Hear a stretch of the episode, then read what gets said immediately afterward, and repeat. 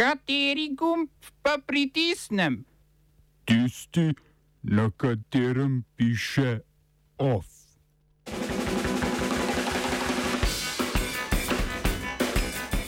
Špioniranje vlad za novinarji z izraelsko vohunsko programsko opremo. Izdano energetsko dovoljenje za drugi blok jedrske elektrarne v Krškem. Sprejeta novela zakona o pravilih cestnega prometa.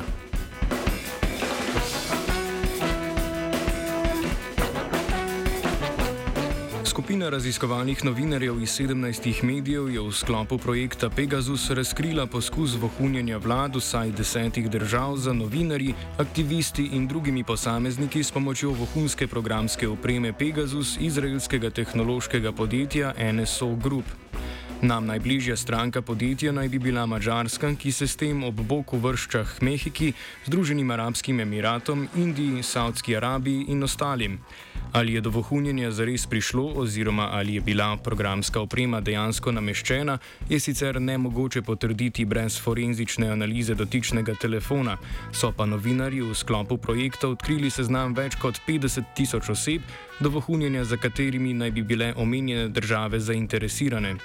Analizo je na majhnem vzorcu 67 telefonov izvedel Security Lab organizacije Amnesty International in na 37 odkril sledove vohunske programske opreme.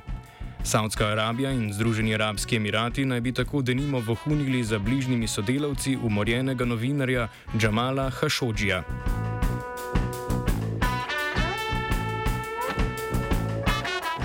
Zvezdno sodišče v Teksasu je odločilo o protizakonitosti programa DAKA za zaščito mladoletnih priseljencev, s čimer je Ministrstvo za domovinsko varnost onemogočilo sprejemanje novih ljudi v program.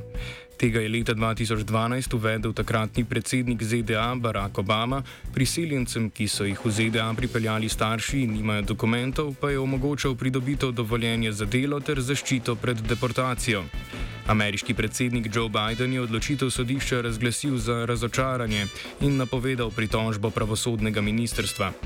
V sklopu programa je dovoljenje za delo od njegovega nastanka pridobilo približno 800 tisoč ljudi, že leta 2017 pa ga je hotel ukiniti takratni predsednik Donald Trump, a je njegovo namero ustavilo vrhovno sodišče.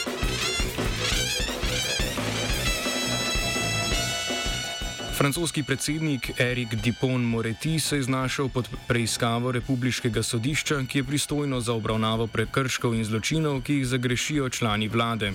Osumljen je zlorabe položaja, ki naj bi ga izkoristil za obračun z osebnimi nasprotniki iz časov, ko je deloval kot odvetnik. Tako naj bi v septembru odredil preiskavo zoper tri državne toživce, ki so leta 2014 policiji naročili naj mu prisluškuje. Dipon Moreti je namreč prijateljeval z odvetnikom nekdanjega predsednika Nikolasa Sarkozija, ki naj bi bil iz internetnih virov obveščen, da mu policija prisluškuje v sklopu preiskave sumov o nepravilnostih pri financiranju volilne kampanje. Dipon Moreti je zoper toživce sprva vložil civilno tožbo, a jo je umaknil, potem ko je nastopil funkcijo pravosodnega ministra. Francoski predsednik Emmanuel Macron je ministru izrazil podporo in povdaril, da ima Dupont Moreti pravico do domneve o nedolžnosti.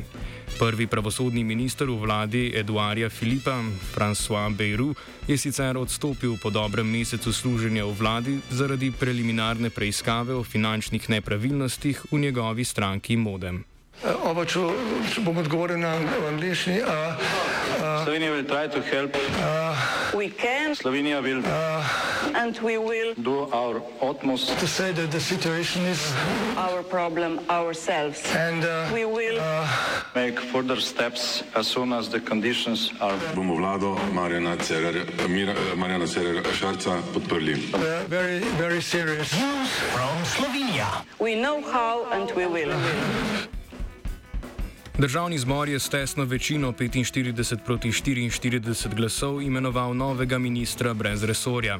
S tem je v pristojnega za digitalno preobrazbo preobrazil dosedanjega vodjo sveta za digitalizacijo Marka Borisa Andrijaniča.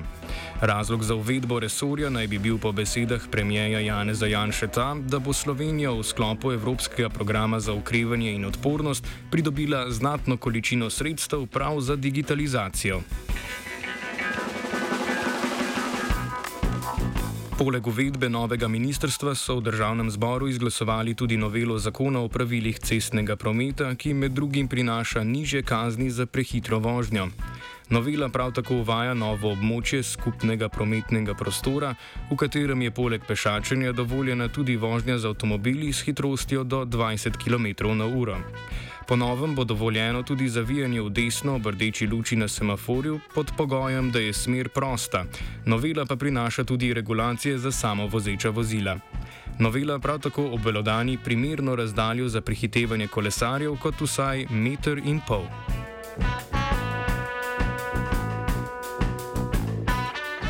Ministrstvo za infrastrukturo je podjetju Gen Energija izdalo energetsko dovoljenje za drugi blok jedrske elektrarne Krško, krajše JEK-2. S tem lahko v Gen Energiji začnejo s pripravo dokumentacije in z upravnimi postopki, po besedah ministra za infrastrukturo Jrneja Vrtovca pa naj dovoljenje še ne bi predstavljalo dokončne odločitve o izvedbi projekta. JEK2 naj bi tako letno proizvedla 8800 gigavatnih ur električne energije, predvidena doba obratovanja pa znaša 60 let. O tehničnih specifikacijah in umestitvi v prostor več pove ministr Vrtovec. Ker se bo JEK2 umeščala v prostor eh, po postopku državnega prostorskega načrta, bo natančna lokacija proizvodnega projekta, objekta, lahko določena in potrjena šele s prijemom državno-prostorskega načrta. Lokacija drugega bloka je usklajena s trenutno veljavnim občinskim prostorskim načrtom občine Krško, kjer iz četrtega odstavka 66. člena izhaja, da je predmetno območje opredeljeno kot območje energetske infrastrukture v občini Krško. Tehnični podatki, ki izhajajo iz samega energetskega dovoljenja, so pa naslednji, le okvirne, bom povedal. Vrsta in tip objekta, torej jedrska elektrarna, tlačni lahkovodni tip reaktorja, skupna električna moč na pragu je 1100 MW s toleranco 10 odstotkov, predvidena letna proizvodna električne energije je nekaj manj kot 9000 GWh in skupni izkoristek okrog 35 odstotkov. Več o drugem bloku jedrske elektrarne v Offsideu ob 17.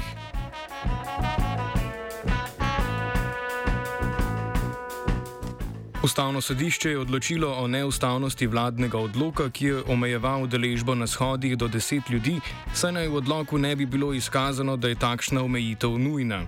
Omejitev naj bi predstavljala izjemno hud poseg v pravico do mirnega zbiranja in javnih zborovanj, vlada pa naj ne bi navedla prepričljivih razlogov, zakaj pri shodih z do nekaj sto udeleženci ne bi bilo mogoče preprečiti širjenja okužb z zagotovitvijo zadostne razdalje med udeleženci, nošenje maske in uporabo razkožilnih sredstev.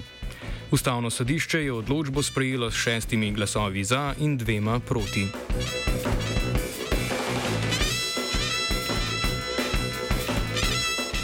OF je pripravil Svetina.